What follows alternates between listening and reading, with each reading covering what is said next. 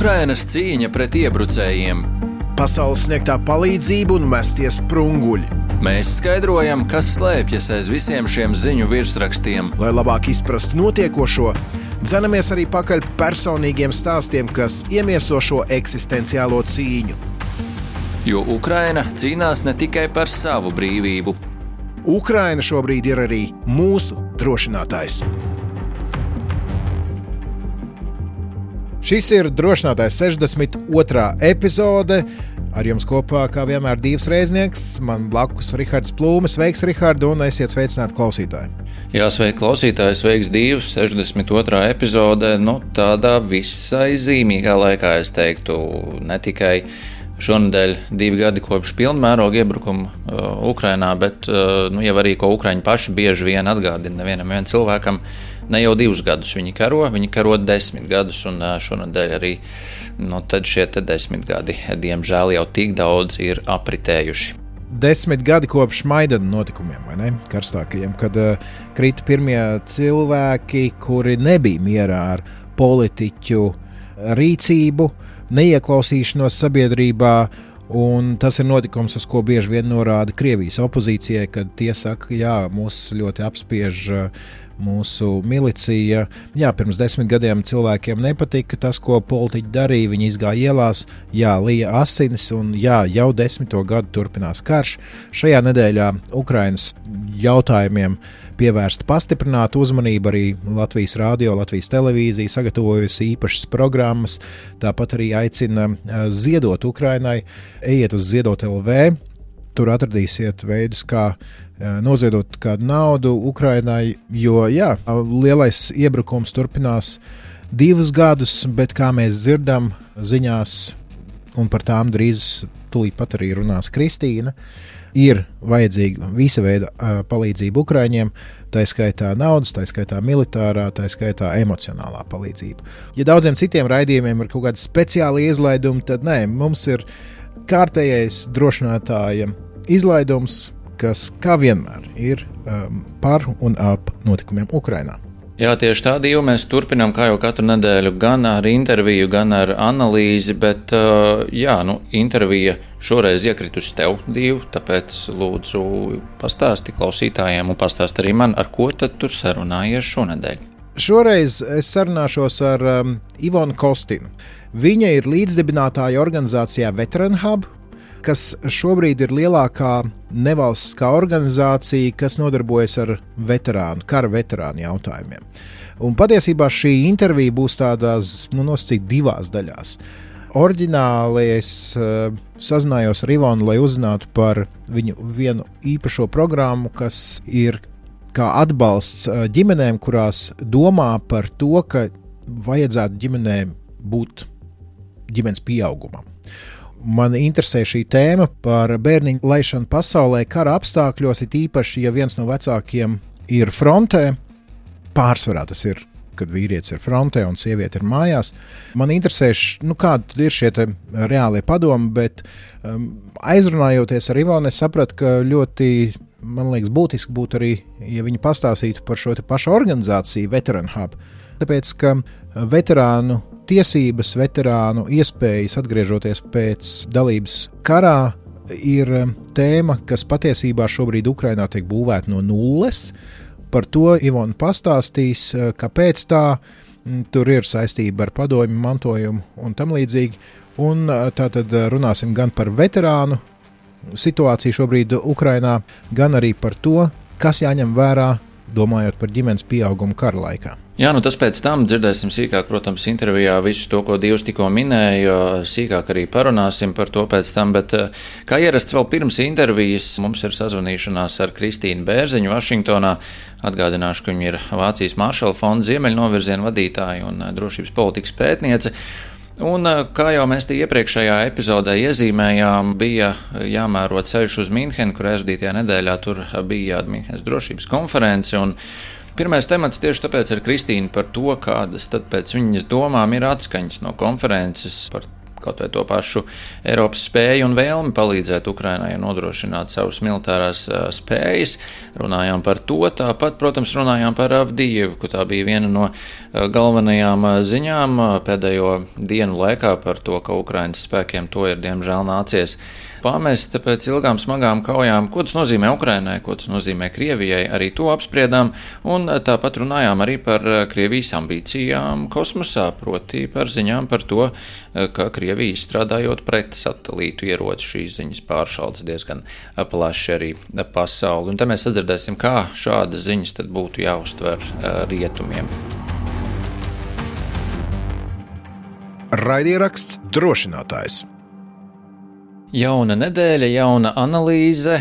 Sveika, Kristīne! Sveiki, sveiki! Šonadēļ jau atkal ir mums daudz par ko runāt. Esmu pats atgriezies no Mīnhenes drošības konferences, kas pagājušajā nedēļā Mīnhenē pulcēja daudz, daudz, daudz pazīstamu seju. Gan nu, man personīgi, varbūt žurnālistu vidū arī dzēn, bet, protams, vairāk jau politiķu un dažādu amatpersonu aizsardzības pārstāvju dažādas delegācijas gan no ASV, gan no visas eh, citas plašās eh, pasaules. Tur tika apspriesti nu, būtībā vairāk jautājumi kā parasti, bet eh, nu, tomēr jau ir tās dažas tēmas, kam tiek pievērsta lielākā uzmanība nu, jau pāris gadus. Un arī šogad, diemžēl, jāsaka, nu, turpināja tā uzmanība būt vislielākā Ukrainai. Un tas ir tāpēc, ka nu, nesoks tik labi mums tomēr ar to atbalstu. Tas bija tas, eh, nu, šķiet, galvenais jautājums. Daudz tik runāts par to, kā tad Eiropai stiprināt to savu aizsardzības industriju, un daudz minēja no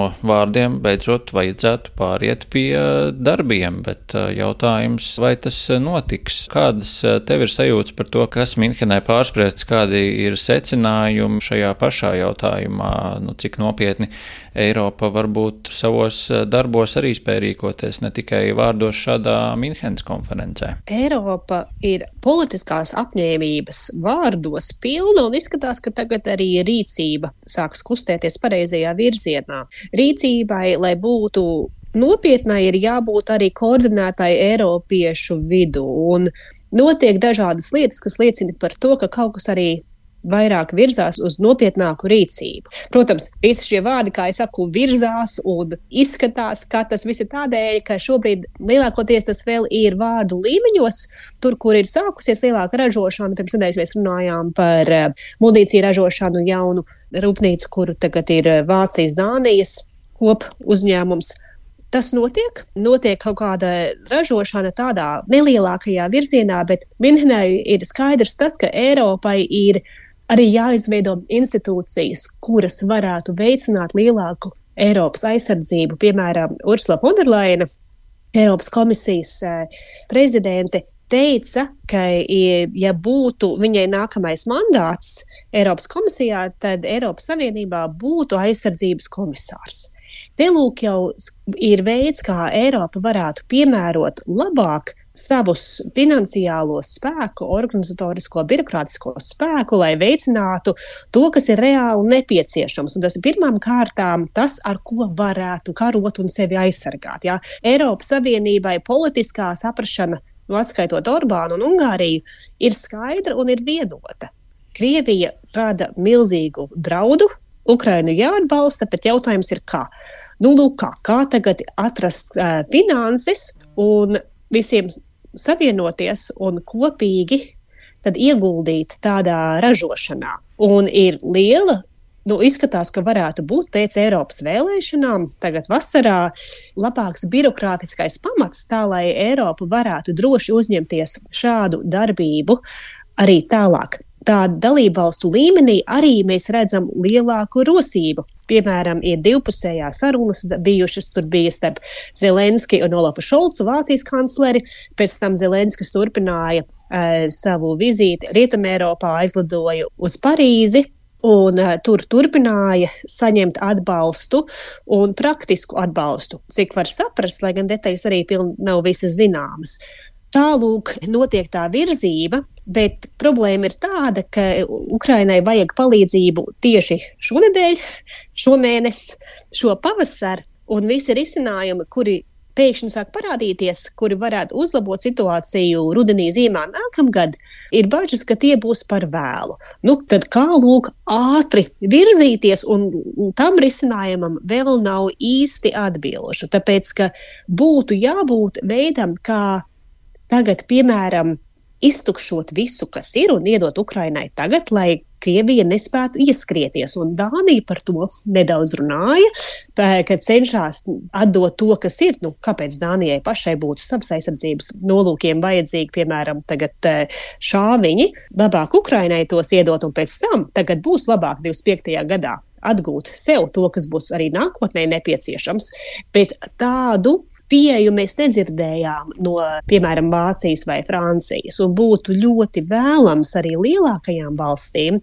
pieņemt tādu dramatisku, vajag šobrīd, jā, es teiktu, apņēmība bija Minhenē, bet tāda sajūta tomēr pārsvarā bija drūma. Nevainīga nāve aizēnoja visu pasākumu, jo ir skaidrs, ka, nu, ka pasaule ir palikusi nežēlīgāka pirms konferences varbūt bija drusku lielākas cerības par iespējamu citādāku ceļu Krievijā, un pēkšņi konferences sākumā ir skaidrs, ka tāds sapnis bija tikai sapnis.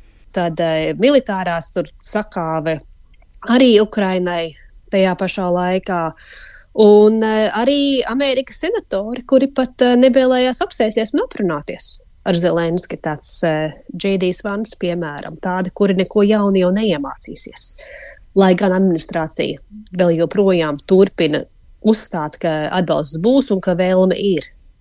Nu tā tad neizskatījās, ka bija sakarīga Mhm. balss no Amerikas puses, kad tā nes, tās nesaskaņas, kuras jau presē visu laiku mēs pārunājam un, un visur var lasīt, tās arī bija pilnīgi atklāti redzamas Minhenē. Jā, nu viens no senatoriem tur lika zālē arī nopūsties. Salīdzinot ASV migrācijas eh, problēmas uz robežas ar uh, Ukrainas karu, par to tur uh, tika daudz runāts par ASV lomu gan pēc prezidenta vēlēšanām, gan arī par šobrīd notiekošo kongresā.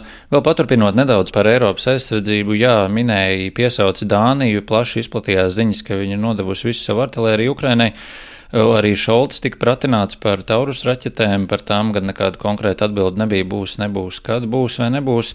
Dānijas jautājums, vai tie ir, tavuprāt, publiski izteikumi, lai mudinātu sabiedrotos, ka nu, ir Dānija tādu cēlu žestu veikusi, vai Dānija atdodot visu savu artilēriju, uzskata, ka tai šobrīd ir nav īsti varbūt draudu, un citas valstis eh, nevēlas atdot visu pēdējo, eh, lai tās var tomēr eh, sevi pasargāt kaut kādā draudu brīdī. Ko tas Dānijas šie premjeras publiskie izteikumi varbūt nozīmē? Vai tas ir pārspīlēts, un Dānija varbūt nemaz patiesībā no, tomēr nav tā, ka ir atdevusi visu savu artilēriju, un šis ir vairāk kā mudinājums pārējiem rīkoties aktīvāk? Mudinājums tas ir, bet arī man liekas tā pieeja ir ļoti vērtīga, jo tas liecina par to, ka Dānija uzskata, ka Eiropas aizsardzība iekļauj Ukrainu un Ukrainas aizsardzību, un ka Eiropas drošība ir Dānijas drošība. Un tāda vienota pieeja nav visur. Piemēram, kāpēc Vācija vilcinās, kādas ir Vācijas lielās bažas par pārmērīgu atbalstu Ukrainai? Piemēram, ir eh, Vācijas pilsoņu vidū ir bažas, ka plieziens nāktu precīzi Vācijai, ja Vācija pārmērīgi palīdzētu Ukrainai. Tas ir daudz divu gadu laikā izskanējis un uzskata, ka Vācijas drošība ir kaut kas cits. Kad nav viens ar, ar Ukraiņas drošību, jā, Ukraina arī aizstāv Vāciju šobrīd, bet ka atbilde varētu būt konkrēti Vācijai, nevis visai Eiropai, nevis tikai Ukrainai.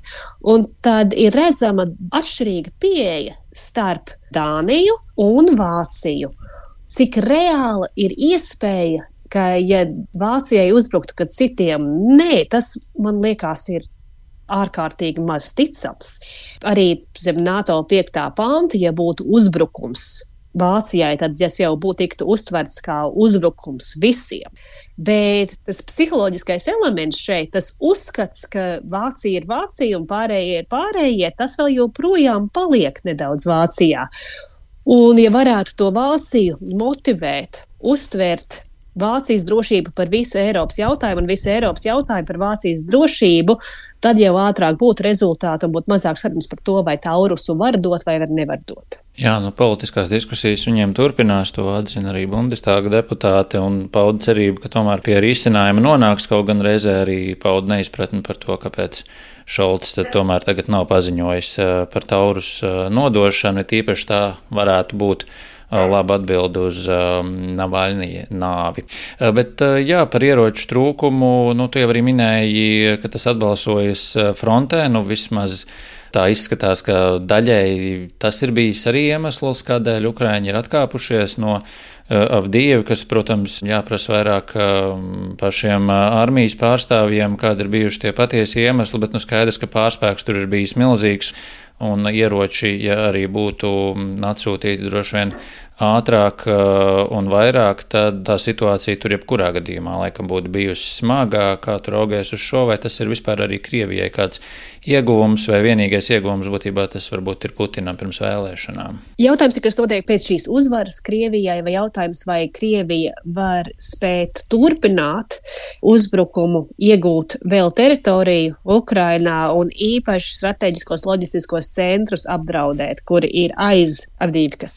Jo pati pilsēta varbūt nav tik nozīmīga. Jautājums ir par inerci, jautājums ir par simboliskām uzvarām, jautājums ir par apņēmību Ukrainas pusē un uh, drosmi un tās noturēšanu. Tāpēc jebkura sakāve var negatīvi ietekmēt Ukrainas tālāko aizsardzību. Un no otras puses arī var iedrošināt un motivēt uh, Krievijas karavīrus turpināt nežēlīgi cīnīties un aizrauties ar saviem uzbrukumiem. Jo svarīgi ir motivācijas jautājums Krievijas pusē.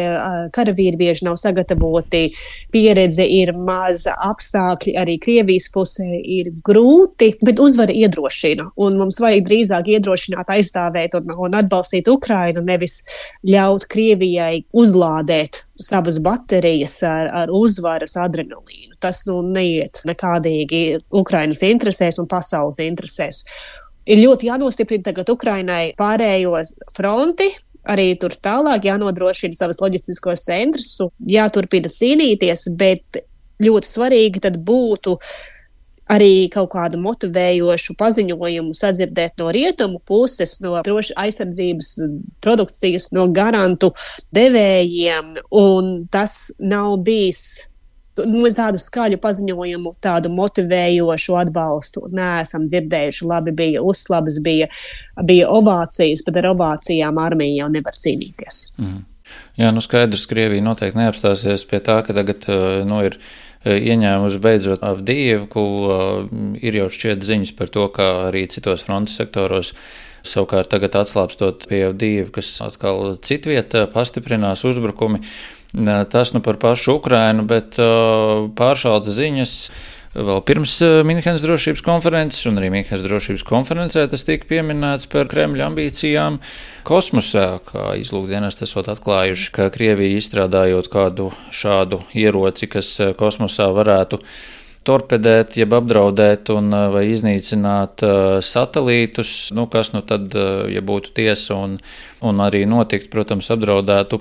Tālāk mums gan sakarus uz Zemi, gan loģistiku, gan, gan daudzas dažādas citas lietas. Baltānam saimnieks Baidens gan mēģināja nomierināt sabiedrību, cik nu dzirdēju, tad arī norādot, ka nekas tāds vēl nesot izstrādāts, nesot nogādāts kosmosā un Šobrīd nekāda tāda tieša apdraudējuma nesot, bet eh, nu, satraukumu tas eh, radīja jau izplatījās ziņas par šo diezgan plaši. Kā izskatās par eh, šo te apdraudējumu iespējām no Krievijas arī kosmosā, vai tās kļūst ar vien reālākas, vai šoreiz varbūt nedaudz tika pārspīlēts vai netika pārspīlēts šīs ziņas par šādām Krievijas spējām un to attīstību. Es šaubos, vai ir īpaši iespējams pārspīlēt Krievijas ambīcijas visumā. Krievija cenšas iegūt tehnoloģisko pārsvaru īpaši militārajā jomā, dažādos veidos, un īpaši kosmos ir simboliski un vēsturiski svarīga telpa. Krievijai. Ja skatās, kāpēc tas paziņojums ir nepieciešams, un arī kāpēc tāds kosmosa drauds ir īpaši, ir nozīmīgi tas, ka ļoti ātri rietumos ja tie, kuri nevēlas atbalstīt Ukrainu, raksturo karu Ukrainā kā reģionālu konfliktu, kā malā liekamu iesaldējumu cīniņu starp Krieviju un Krievijas kaimiņu valsti, kur neatiecās uz rietumu lielvalsts drošības interesēm. Krievija nebija spējīga ieņemt visu uzreiz, tad Krievija nemaz nav vispār liels militārais drauds visiem pārējiem, un ko nu pārāk tagad pārspīlēt un atbalstīt tos ukrāņus, kā būs, tā būs.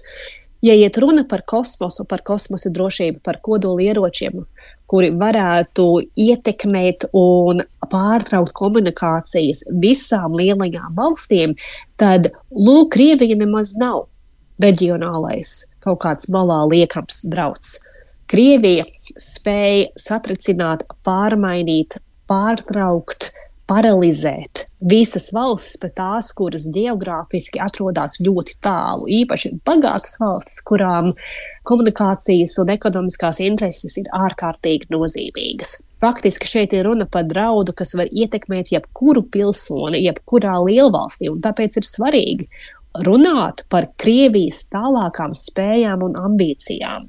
Jo divus gadus pēc eh, lielā uzbrukuma sākuma uh, tie, kuri vēlās ņemties ar citiem nekrievijas jautājumiem, tādu ir daudz, bet ja augtu saprašana tādu skeptiķu vidū, ka Krievija ar vien būs drauds piemēram, Amerikas drošībai, Francijas, Vācijas drošībai, neskatoties uz to, kas notiek uz frontes, nu tad būs lielāks atbalsts Krieviju arī sakaut uz frontes, atbalstīt Ukrainu, bet arī iespējams palielināt sankcijas vai citādāk apturēt Krievijas draudu visām attīstītām un valstīm un visu valstu gan uh, civilām, gan militārām spējām, kuras tiktu ietekmētas, ja būtu kosmosā kodolieroči. Jo Krievija jau neatzīst arī visas iepriekšējās norunas, kādas ir bijušas, un lai gan ir aizliegts no kosmosa palaist kodolieročus,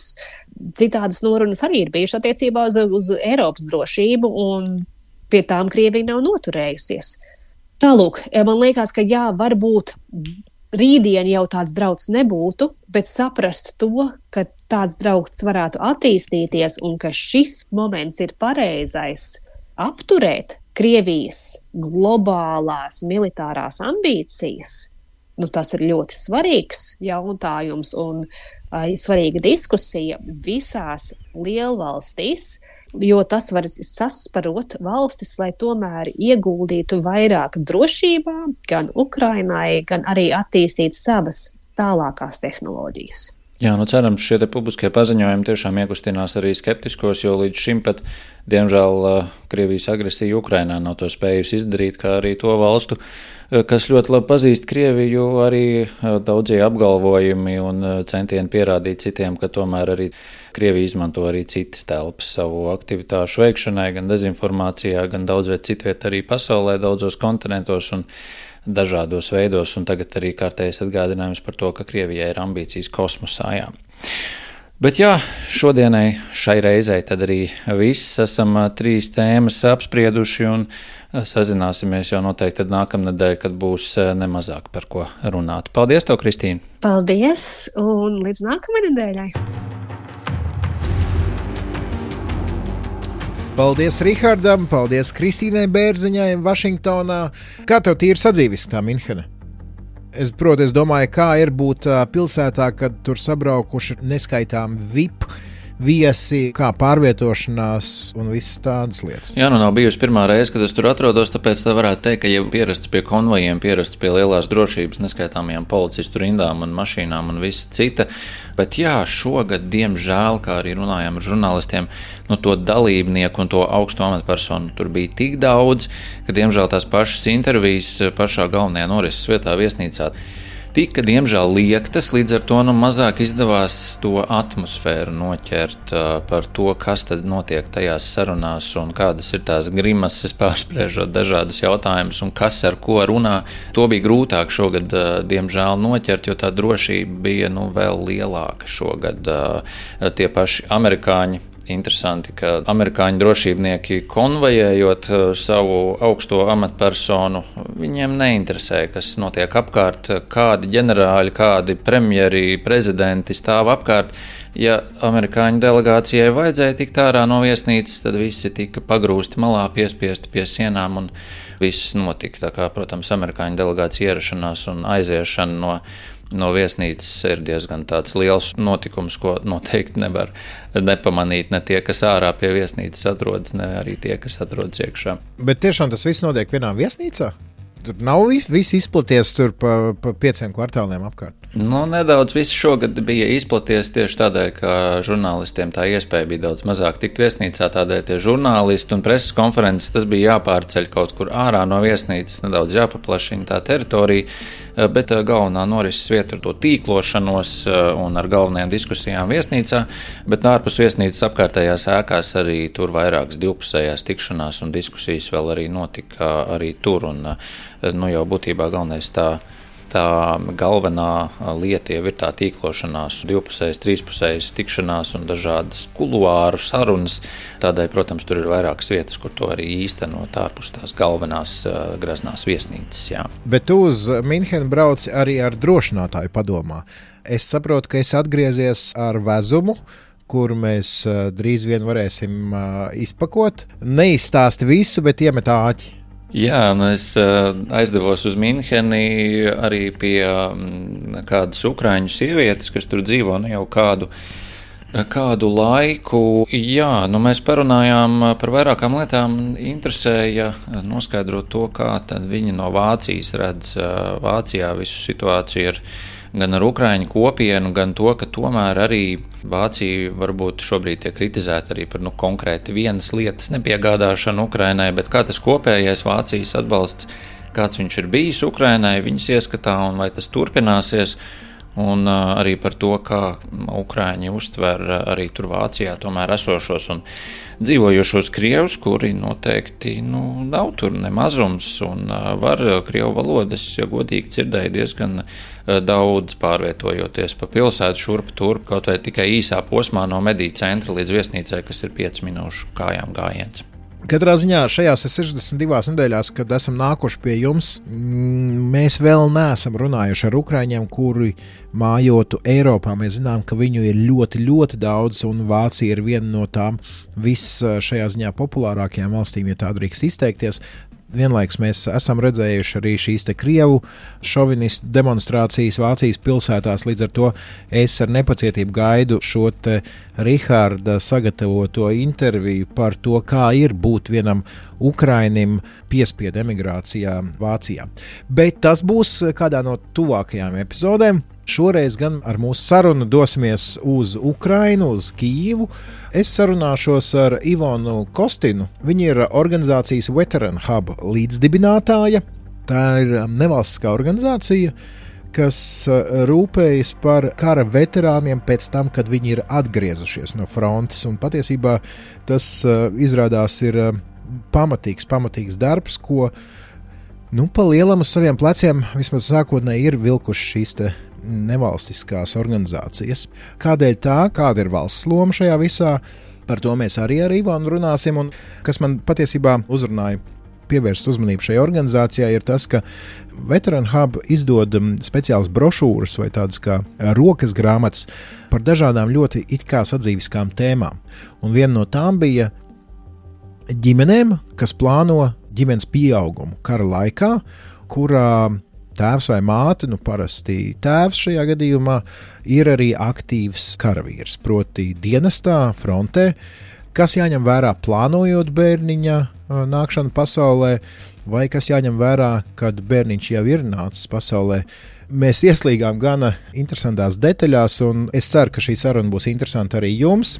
Un tādēļ es droši vien beigšu runāt un sāksim klausīties šo sarunu ar Ivonu Kostinu Ukrainas Veteran Hub līdzdibinātāji.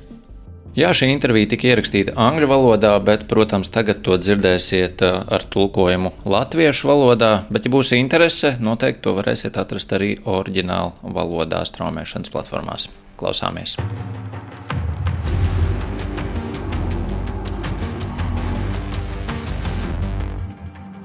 Raidieraksts drošinātājs.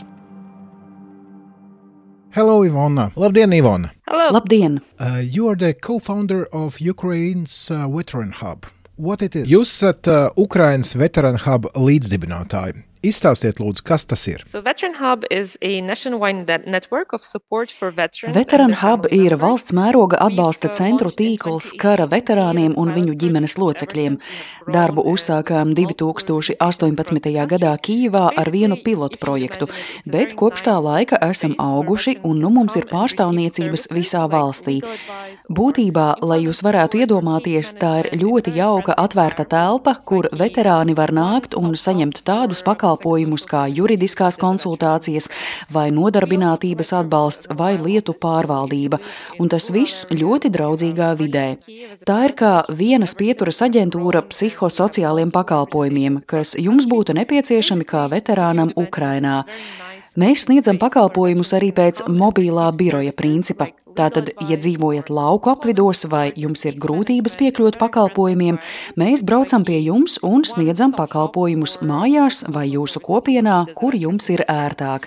Pieejams tieši tāds pats pakalpojumu klāsts, taiskaitā psiholoģiskie pakalpojumi.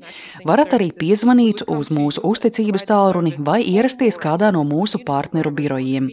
Tā kā ir diezgan dažādi veidi, kā mēs sniedzam pakalpojumus veterāniem un viņu tuviniekiem.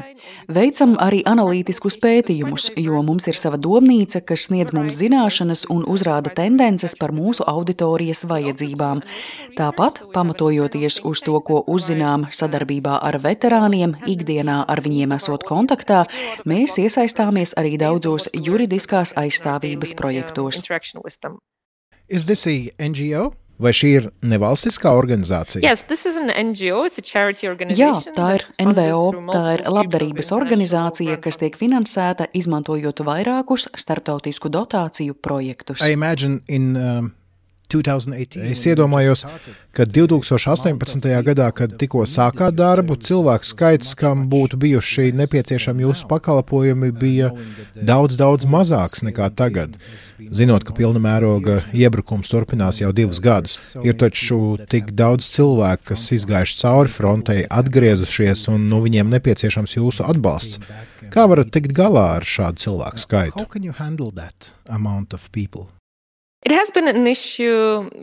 Tas mums ir bijis aktuāls jautājums jau diezgan ilgu laiku. Kad sākām savu darbu, kara darbības zonai cauri bija gājuši kopumā apmēram 360 tūkstoši cilvēku, plus viņu ģimenes locekļi. Tas ir liels skaits, it īpaši, ja ņem vērā, ka Ukrainā tobrīd faktiski nebija veterānu aprūpes sistēmas. Tātad no Padomju Savienības, no laika, kad bijām okupēti, mēs kā valsts mantojam attieksmi, daudz tiesību aktu un pat stereotipus. Neatkarīgā Ukrainā tā arī nebija izdevies pārdomāt šo jautājumu. Tāpēc mums bija jāizdomā jauna sistēma, jo pirms sākām darboties šajā laukā, nekas reāli funkcionējošs vienkārši neeksistēja. Balstoties starptautiskajā pieredzē un pētot, kā veterānu jautājumam pieiet Dānijā, ASV, Kanādā, gadā, ātri kļuva skaidrs, ka veterāniem atbalsts būs nepieciešams daudz ilgāk nekā cilvēki Ukrainā domāja. Daudzi teica, nu, tas prasīs gadu, divus, taču dodoties uz ārzemēm, mēs redzējām, ka veterāniem palīdzība nepieciešama arī 20 līdz 25 gadus vēlāk. Tādēļ bija acīm redzams, ja mēs vēlamies izveidot kaut ko ilgtspējīgu, mums jābūt ļoti efektīviem, kā arī sistemātiskiem savā pieejā. Tāpēc jau no paša sākuma uzsvaru likām nevis uz krīzes reaģēšanu, bet gan lielā darbības rāmja izveidi. Kad sākās pilna mēroga iebrukums, sapratām, ka lielākā daļa mūsu klientu tika atkārtoti mobilizēti bruņotajos spēkos, jo viņiem bija kaujas pieredze, viņu spējas frontē bija ļoti nepieciešamas. Tādēļ viņi atkal tika iesaukti dienestā, kas, godīgi sakot, mums deva zināmu laiku. Pat tagad, kad daudzi atgriežas vecuma, ievainojumu vai ģimenes apstākļu dēļ, mēs apzināmies, ka šis nav masu demobilizācijas brīdis. Tieši masu demobilizācija, kas iespējams, cerams, notiks nākamajā gadā, mums būs milzīgs izaicinājums, kam gatavojamies jau šobrīd, un mēģinām pārliecināties, ka mūsu ieviestās sistēmas ir izveidotas labi, ka mūsu cilvēki ir labi apmācīti, mums ir pietiekami resursu, telpu un visa pārējā. Tātad šobrīd lielākais darbs būtībā ir organizatoriskās kapacitātes sagatavošana. Protams, mēs turpinām sniegt pakalpojumus, bet prātā paturam, ka lielākais pieprasījums pēc tiem sāksies pēc pirmās demobilizācijas. So, basically, it's like everyone in Ukraine Sanāk tā, ka visi Ukrainā gaida uzvaru un kara beigas. To gaidāt arī jūs, taču ar citādām domām. Zinot, ka tieši tad jums sāksies tas īstais darbs. Ja? Uh, Principā jā, mūsu darbība vērsta uz to, lai kara veterānam, atgriežoties mājās, mēs varam viņam palīdzēt integrēties civilajā realitātē. Taču ņemiet vērā, ka Ukrainā veterānu reintegrācija aktuāla jau desmit gadus, jo tik ilgu laiku cilvēki atgriežas no frontes. Un, lai arī gatavojamies daudz citādākiem mērogiem nākamajā gadā, vienlaikus apzināmies, ka mūsu klients daudz neatšķiras kopš 2018. gada. Protams, nākušas klāt masu zvērības, arī kara veids ir mainījies, taču cilvēki turpina atgriezties civilā, bet ne mierīgā dzīvē.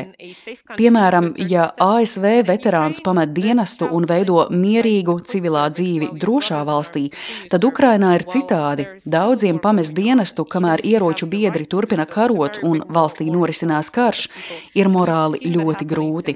Pat ja legāli viņi drīkst atvaļināties, tas ir ļoti liels morāls izaicinājums, un to redzam kopš brīža, kad atvērām savu pirmo centru. Why is there a need for Veterans Hub? Kāpēc ir nepieciešams veterānu hub? Ukrainā nebija veterānu lietu sistēmas. Mūsu domāšanas veids par kara veterāniem, visa mūsu uztvere bija ļoti novecojusi un nereāla. Tā vietā, lai skatītos uz cilvēku un viņa vajadzībām, Ukrainā valsts, sabiedrības, sistēmas uzmanība bija nofokusēta uz dažādiem stereotipiem, kas bija radušies ap veterāniem. Tāpēc mums bija jāizveido iestādes iestāde, kas faktiski palīdzētu tulkot šo veterānu pieredzi, izprastu tās cilvēcisko pusi un palīdzētu risināt vajadzības, kuras valdība nenosedz. Piemēram, valdība kara veterānus nekad neuztvēra kā atsevišķu mērķa auditoriju ar savām specifiskajām vajadzībām. Tā vietā kara veterāni bija vienkārši daļa no lielākas problēma auditorijas. Mēs veterānus tā neustveram. Mūsu skatījumā veterāni pirmkārt ir pilsoņi ar krietni citādu pieredzi, kuriem pakalpojumu ziņā ir savas īpašās vajadzības. Diemžēl pakalpojumu sniedzēju vidū nav daudz kompetences. Tā piemēram, 2019. gadā mēs konstatējām, ka liela daļa mūsu klientu nesaņem labu veselības aprūpi. Izrādījās, ka problēmas lēpjas nevis ārstu trūkumā, bet gan stereotipos, kas saistījās ar terminu veterāns. Gluži vienkārši ārsti domāja, ka veterāns tas nozīmē vecs. Un ja pie šāda ārsta ierodas jauna sieviete vai puisis, uz kuru paskatoties uzreiz nav skaidrs, ka viņš vai viņa ir kara veterāns, viņiem nav militārās formas vai uzšuves, Ārste viņiem nejautā par militāro pieredzi, un šis faktors netiek ņemts vērā, nosakot diagnozi. Piemēram, kad kāds veterāns pēc kaujās iegūtas smadzeņu traumas sūdzas par galvas sāpēm, viņam ārstē galvas sāpes, nevis smadzeņu traumu. Tāpēc gājām pie primārās veselības aprūpes sniedzējiem un apmācījām viņus par šo tēmu. Kā izjautāt cilvēku, vai viņš ir bijis karā, vai viņš nav. Mēs cenšamies paplašināt ārstu redzesloku, lai viņi zinātu, ka kara veterāns var būt arī 18 līdz 19 gadus jauns, ka viņi var būt guvuši ievainojumus kaujās, kas pirmajā acu uzmetienā nemaz nav redzams. Ir ļoti svarīgi jau preventīvi uzdot šos jautājumus. Un to pašu mēs darām ar daudzām, daudzām citām auditorijām. Mēs strādājam ar darba devējiem, mēs strādājam ar psihosociālo pakalpojumu sniedzējiem, mēs strādājam arī ar parastajiem cilvēkiem, kuri varbūt pazīst kādu veterānu. Izglītojam viņus, kā labāk sadarboties ar veterāniem viņu ikdienas gaitās.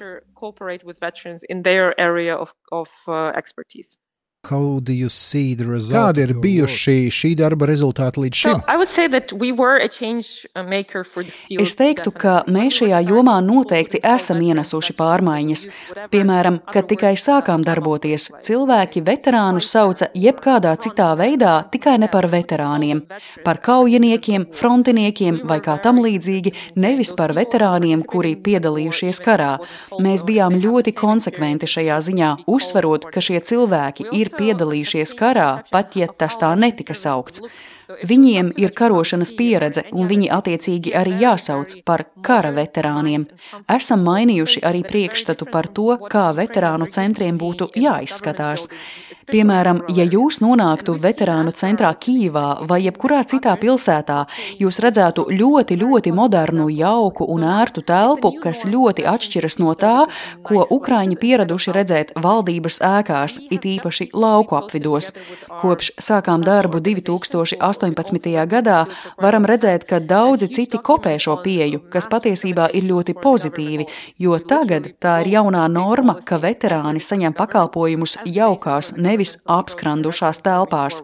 Tāpat kopā ar partnerorganizācijām, kas arī jau ilgu laiku strādā šajā jomā, nesen publicējām apjomīgu dokumentu ar neskaitāmiem ieteikumiem valdības politikas maiņai. Tas bija tik apjomīgi, ka, var teikt, radījām pamatnostādnes valsts politikai veterānu jautājumos. Tas viss nebūtu bijis iespējams, ja mēs visu šo laiku katru dienu nestrādātu patiešo ar veterāniem.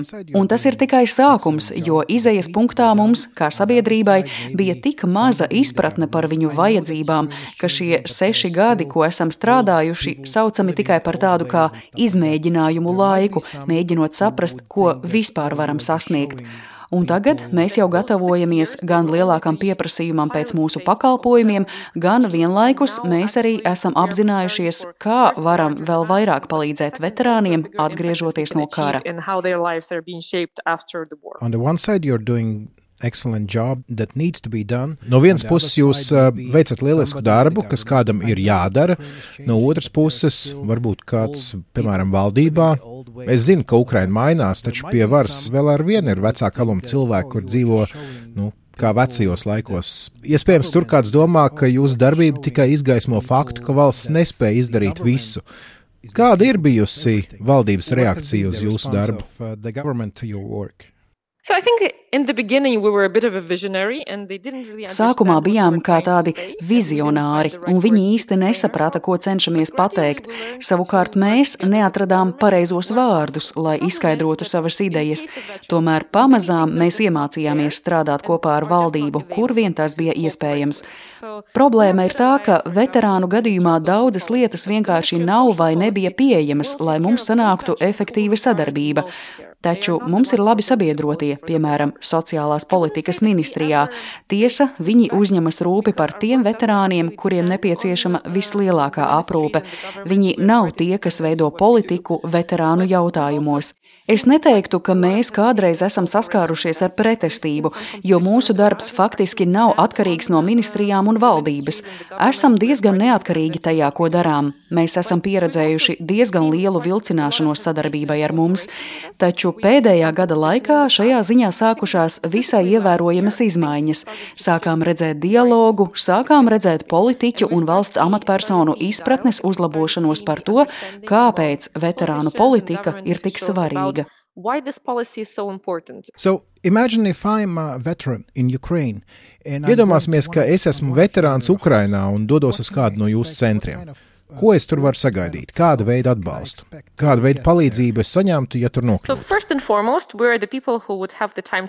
Tātad, pirmkārt un galvenokārt, mēs esam cilvēki, kuriem ir laiks ieklausīties jūsos. Nav neparasti, ja cilvēks vienkārši grib kādam izstāstīt par to, kam gājis cauri frontē, un tam nav jābūt terapeitam. Tas var būt arī vienkārši draudzīgi noskaņots cilvēks, kurš gatavs klausīties. Tas ir pamatu pamats. Klausoties tajā, ko mums stāsta, mēs uzzinām par tām grūtībām, ar ko šie cilvēki sastopas savā jaunajā dzīvē. Tad mēs savukārt varam nodrošināt psiholoģisko terapiju, profesionālu ilgtermiņa palīdzību. Varam nodrošināt arī pamata līmeņa kvalitatīvu juridisko palīdzību. Mums nav tādas kapacitātes, lai dotos līdzi uz tiesu vai tam līdzīgi, taču šeit talkā nāk visai kvalitatīvs valsts nodrošināts juridiskās aizstāvības dienests, kas bez maksas pieejams visiem Ukrainas pilsoņiem, tajā skaitā veterāniem. Kopumā ņemot, mēs palīdzam personai noteikt savas vajadzības plašā labklājības jomu klāstā un palīdzam atrast veidus, kā saplānot un nodrošināt šīs vajadzības. Tā ka vispārīgi runājot, tas ir sociālais darbs, taču mēs sniedzam arī nodarbinātības konsultācijas.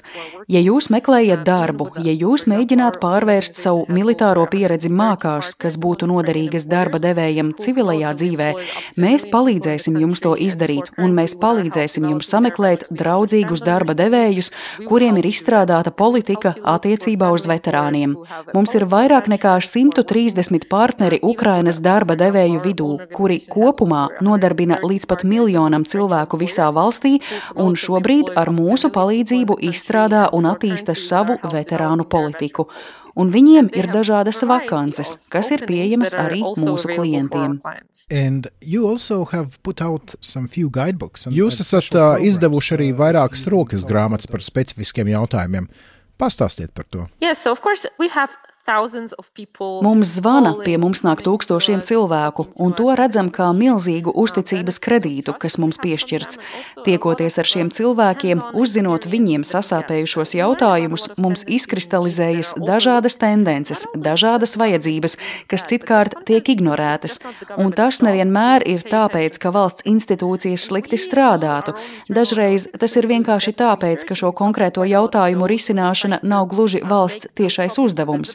Taču mūsu speciālisti paši veic padziļinātus pētījumus, daudzus no tiem arī publicējam, lai padarītu šīs problēmas redzamākas, lai saprastu šo problēmu iemeslus un varētu tās risināt. Balstoties uz šo informāciju, mēs meklējam risinājumus dažādām problēmām un dalāmies ar tiem publiski. Piemēram, izveidojām rokas grāmatu par seksu un intimitāti ievainotiem veterāniem un viņu partneriem, kuri vēlas atsākt intīmas attiecības pēc traumas iegūšanas. Tāpat esam izveidojuši rokas grāmatu darba devējiem, izglītojot viņus, kā būt labam darba devējam, veterānam un kā revidēt darba procesus, lai tie atbilstu veterānu vajadzībām.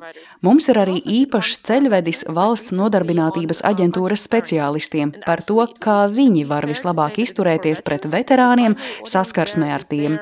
Un vēl šādi noklātas daudzas, daudzas citas tēmas - garīgās veselības speciālistiem, ārstiem un tā tālāk. Viena no mūsu svaigākajām rokas grāmatām veltīta apzinātai ģimenes plānošanai.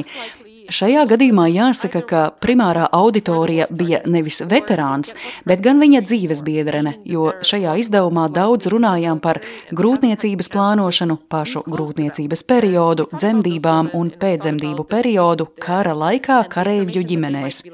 Visticamāk, šīs sievietes vai nu bija stāvoklī pirms kara sākuma, vai arī palika stāvoklī kara laikā, kas nozīmē, ka viņu mīļotais cilvēks visticamāk ir armijā un viņam nav bijusi iespēja būt tuvu savai partnerei. Un mēs domājām par šīm sievietēm, un mēs domājām par situāciju, kurā viņas atrodas, un informāciju, kuras viņām varētu trūkt. Dodoties uz vienkāršām sieviešu konsultācijām pie pediatriem, nevienmēr iespējams saņemt pilnvērtīgus padomus, jo šie speciālisti nav ļoti labi informēti par šādu attiecību īpatnībām un slogu, ko šīs sievietes faktiski uzņemas. Tādēļ izveidojām ceļvedi īpaši viņām. Mēs to izplatījām caur dzemdību nodaļām, caur sieviešu konsultācijām un caur mūsu pediatriem, lai pārliecinātos, ka šīs grāmatas sasniedz tās sievietes, kuras gaida savus vīrus atgriežamies no kara, kamēr viņas ir stāvoklī vai ir drīz pēc dzemdībām. Un mēs arī izveidojām informācijas kopumu arī vīriem, jo tas notiek tā, ka esot armijā un cīnoties ar Krieviju, tas ir tik intensīvs darbs, ka īsti nav laika skatīties izglītojošas filmas vai iziet pirmsdzemdību kursus. Tāpēc mēs centāmies saspiest informāciju vairākos desmit minūšu video par to, kā vari būt atbalstošs partneris, pat nebūdams klāt, vai kā vari piedalīties dzemdībās, ja paveicies saņemt atvaļinājumu un nokļūt dzemdību namā, kad sievai sākas dzemdības.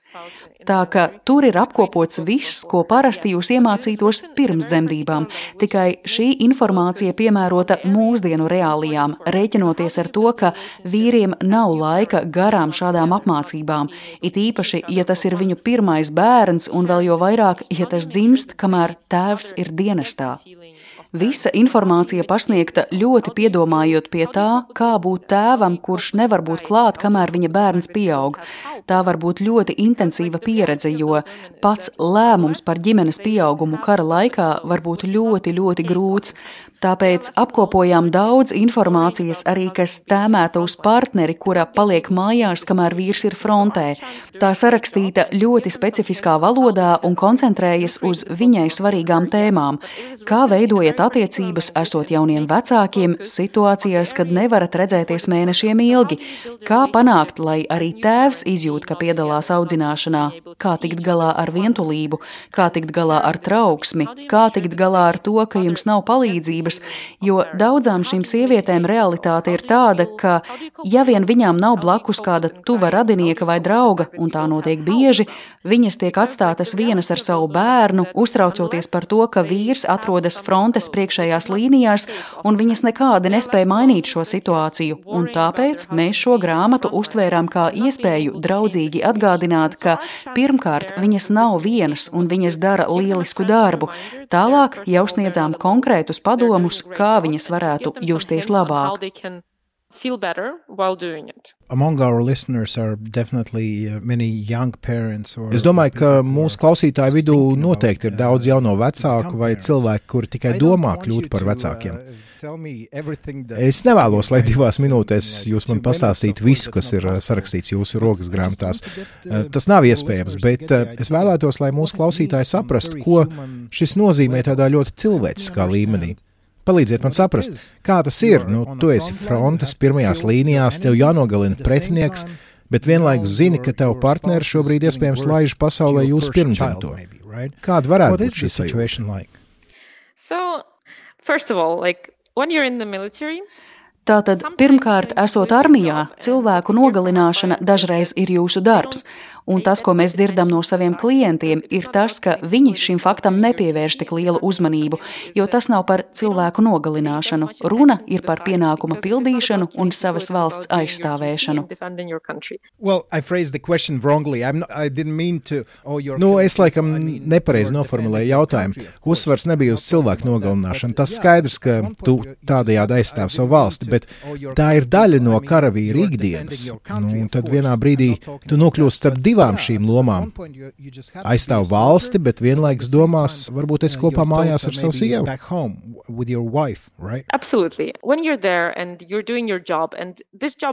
Absolūti. Esot tur un darot savu darbu, un šis darbs ir 24-7 režīmā, Tev īsti nav pārtraukumu, tev nav grafika vai tam līdzīgi. Tu vienmēr esi skrējienā un kaut ko dari. Un tas ir ļoti, ļoti atšķirīgi no prāta stāvokļa, kāds tas būtu, esot mājās, kur vari sajusties relaksēts drošībā. Tas ir kaut kas tāds, kas Ukrāņu karavīriem nav pieejams jau divus gadus. Viņi nav drošībā, viņi nav relaksēti, viņi nav empātiski tieši tāpēc, ka nav relaksēti. Viņi ļoti bieži neinvestē savās attiecībās kā partneri. Savukārt partnerē bieži vien iemājo vainas un kauna sajūta, ko rada domas par to, ka partneris šobrīd karā iet cauri tik lielām, smagām un grūtām emocijām, un es lietas labā nevaru izdarīt gandrīz neko. Karavīri var, piemēram, lūgt atvaļinājumu vai brīvu nedēļas nogali, lai dotos un atbalstītu savu dzīves biedri, taču tas nevienmēr ir iespējams. Karavīri galu galā baidās arī par savu dzīvību, un viņiem vienlaikus jādomā par to, vai šī milzīgā atbildība, ko uzņēmāties kā pāris, laižot pasaulē bērniņu, būs panesama sievai vienai, ja ar mani kas notiks. Tāpat nereti vīri sajūta distances veidošanos ar saviem bērniem, jo vienkārši nevar būt blakus un būt liecinieks tam, kā viņi aug. Šī sajūta, ka es neesmu tur blakus, kamēr mani bērni aug, patiesībā ir liels, liels sāpju punkts Ukrainas veterāniem un karavīriem, par ko esam pārliecinājušies pēdējos gados. Manuprāt, tā patiesībā ir traģēdija, jo, kā zināms, kad tev ir bērni, tu zini, ka viņi aug ļoti ātri, un tu redzi, ka viņi ļoti ātri mainās. Un tas, ko mēs dzirdam sarunās ar mājās palikušajām dzīves biedrenēm, ir viņu nožēla, ka bērna tēvs nav redzējis, kā mazulis, piemēram, sāka staigāt, sāka runāt vai darīja pirmo reizi jebko citu. Un tas ir kas tāds, ko nebūs iespēja redzēt atkal, palaižot garām veselu bērna attīstības posmu. Tēvs nevar būt klāt, un tādējādi viņam arī nav iespēju veidot saikni ar savu bērnu. Te gan svarīgi arī saprast, ka lielākā daļa mūsu karavīru ir pieņēmuši apzinātu lēmumu būt armijā. Tas, zināmā mērā, šo situāciju padara vēl grūtāku, jo tev jāizvēlas starp savas ģimenes drošību un savas valsts drošību, un lielākā daļa no viņiem izvēlējušies valsti.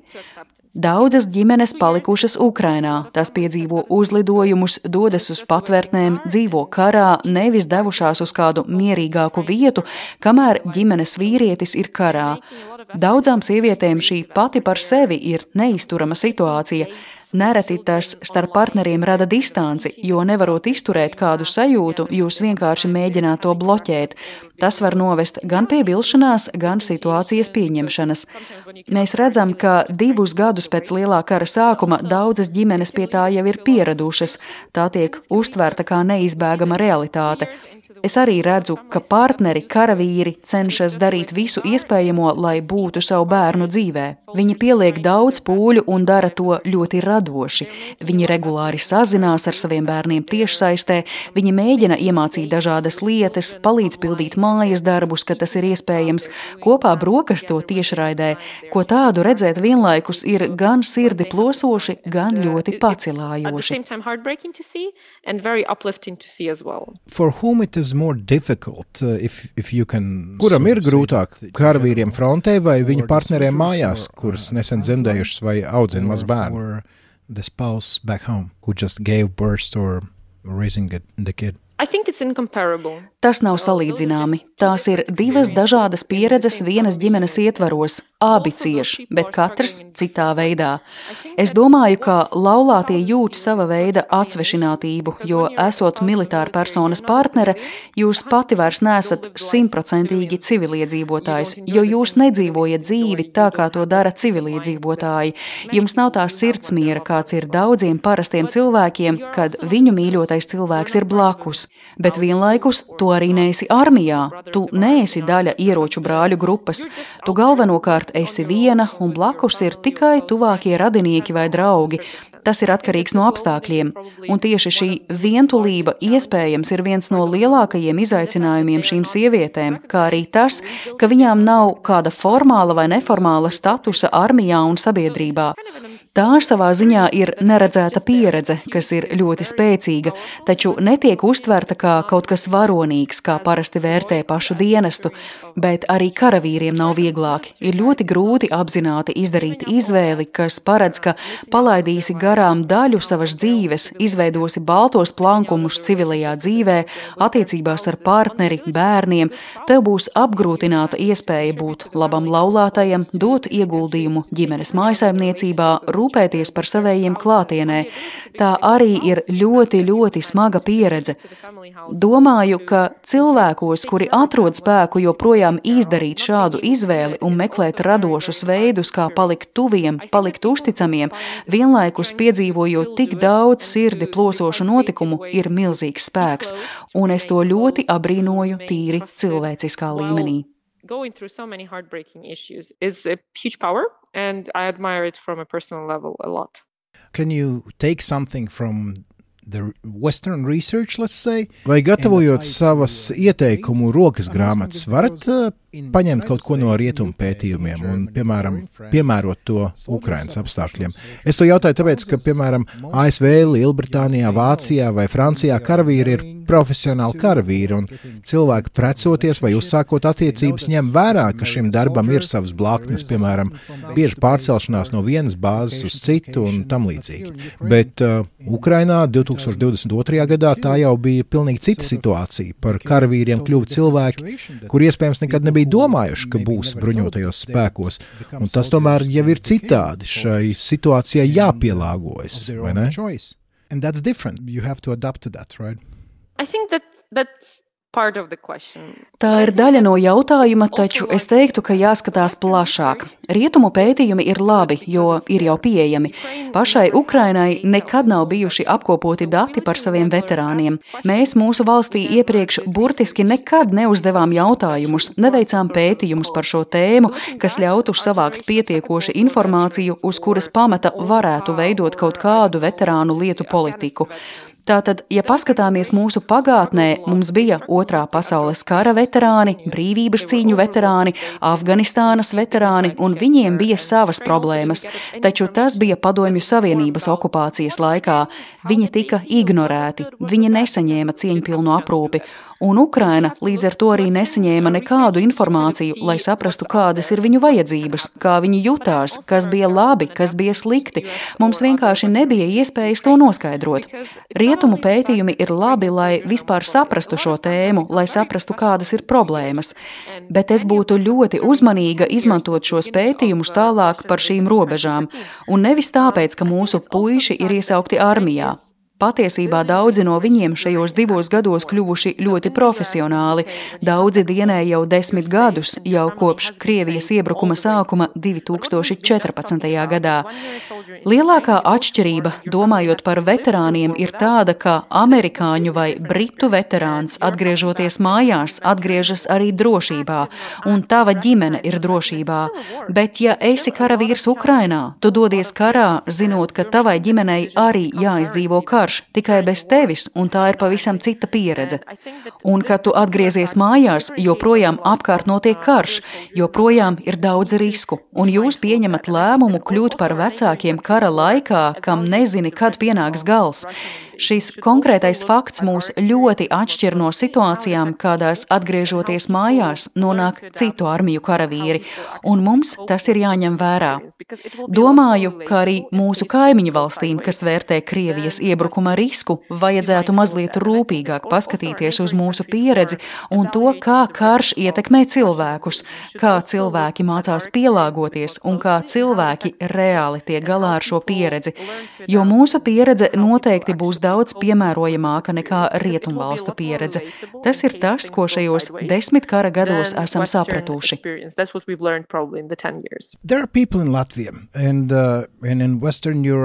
Latvijā, uh, arī Rietumē Eiropā ik pa laikam dzird cilvēks runājam, pasaulē notiek tik šausmīgas lietas, kara, konflikti, globālā sasilšana un tam līdzīgi, ka tas būtu bezatbildīgi laist pasaulē bērniņu šādos apstākļos. Ko jūs teikt šādiem cilvēkiem? Uh, what would be your response to people who say something like that? I would say that becoming parents is a Es teiktu, ka kļūšana par vecākiem ir izvēle, pieaugušu cilvēku izvēle, kas prasa lielu atbildību. Būt pieaugušam ir grūti jebkurā laikā. Tagad tas varētu šķist grūtāk nekā tas bija pirms 20 gadiem, bet nedomāju, ka tas tā arī reāli ir. Domāju, ka katra pieaugušo paudze cieš no lēmumiem, kas jāpieņem, un atbildības, kas viņiem jāuzņemas. Un tas ir atkarīgs no tā, vai jūs esat piemērots atbildības atbildībai, vai jūs to vēlaties, vai jūs patiešām vēlaties šo pieredzi un vai esat tam gatavs vai nē. Attiecībā uz atbildīgu audzināšanu militārajās ģimenēs mēs vienmēr gribam, lai viņi sadzird lūko.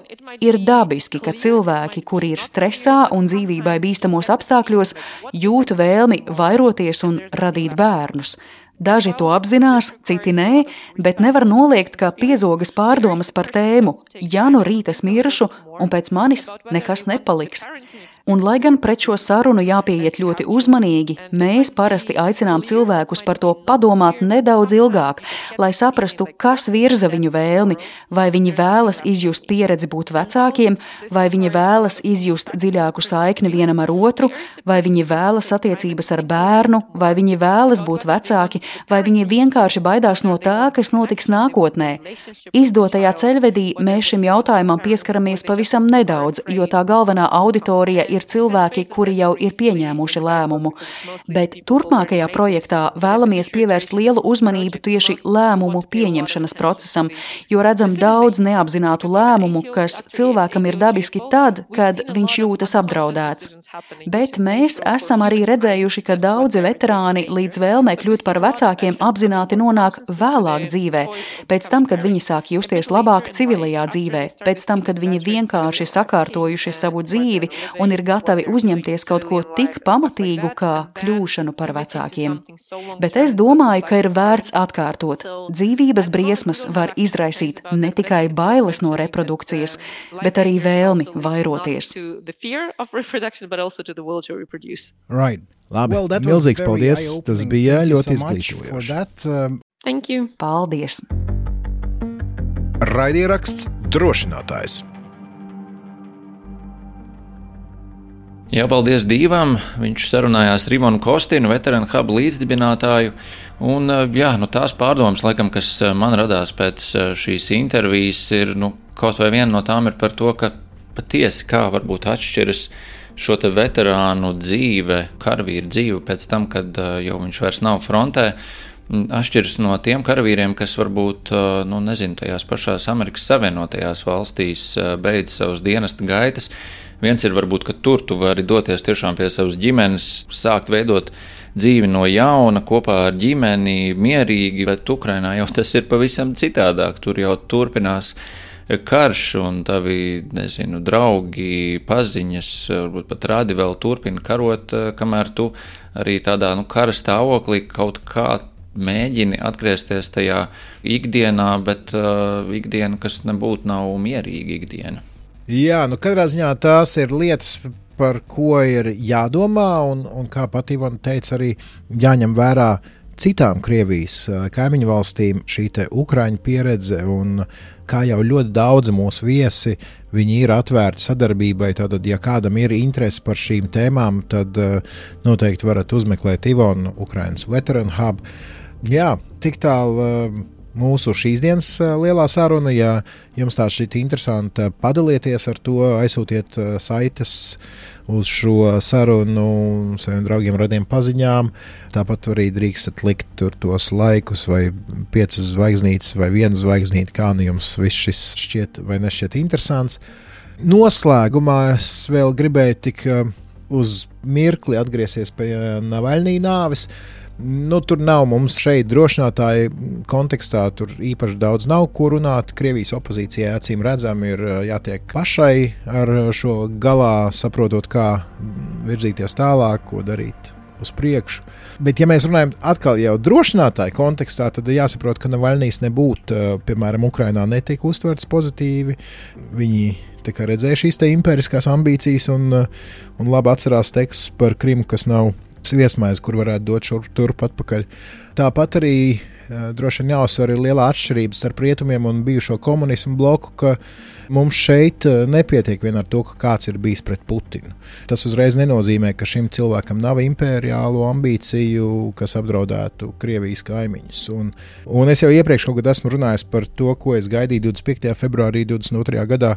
Es skatījos uz Krieviju, kāda būs reakcija, vai cilvēku miljoni izies ielās Nu, jā, arī pēc Navaļnī nāves mēs redzējām cilvēkus stāvam rindās, noliekam ziedus šur tur. Krievijas lielākajās pilsētās bija aresti, jā, vairāk simt arestēti, bet no atkal jau šādas lielas daudz miljonu valstī atbilstošās reakcijas ielās nebija. To mēs eh, redzējām. Un... Jā, nu mēs vērosim, kāda būs opozīcija, cik tā patiesi būs opozīcija Krievijā. Tagad, protams, acis pievērstas Jūlijai Navaļnajai, kura tad ir solījusi turpināt savu vīra iesākto, bet nu, cik tas patiesi būs veiksmīgs, te mēs varam velkt uh, droši vien paralēlis ar to, kas ir ir bijis saistībā ar Baltkrieviju. Svetlana Cihanovska arī tiek saukt par opozīcijas līderi, arī atrodas ārzemēs, arī turpina cīnīties par brīvu Baltkrieviju. Nu, varam vilkt un paralēli skatīties, kā viņai līdz šim ir gājis un skatīties, kā tagad ies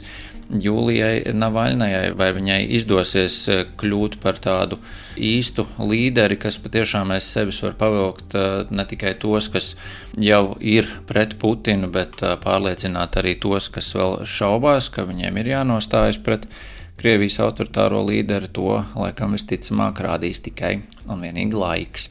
Jā, nu katrā ziņā daudz runāja, daudzi izteicās lielākās un mazākās tribīnēs, bet, godīgi sakot, man palika šajā nedēļā atmiņā tikai viens dvēseles kliedziens, un tas bija no kādas Leņņģeradas blokādes pārdzīvojušas kundzes gados Pēterburgā, pēc tam, kad viņa bija nolikusi ziedus, un uh, viņa uzrunāja savus tautiešus lūk šādi. Kvaitit krovi, kvaitit nenavisti! Pietiek asiņu, pietiek naida, pietiek tā visa. Viņš ir mūsu valsts nodevējs, nodevējs Putins. Viņš cilvēkus padara par vergiem. Es nebaidos, man jau daudz gadu, viņi var mani tikai nogalināt. Es vienkārši gribu kliegt, Putin, mēs taču esam cilvēki. Bez cilvēkiem nekā nav, bet kāpēc mēs viņā klausāmies? Mūsu taču ir 140 miljoni. Vai tiešām nevaram visi piecelties un pateikt, ej prom no šejienes? Уходи отсюда! Tas arī šai reizē viss. Atcerieties, drošinātājs tas ir skaidri un personīgi par karu Ukrajinā. Raidieraksts drošinātājs.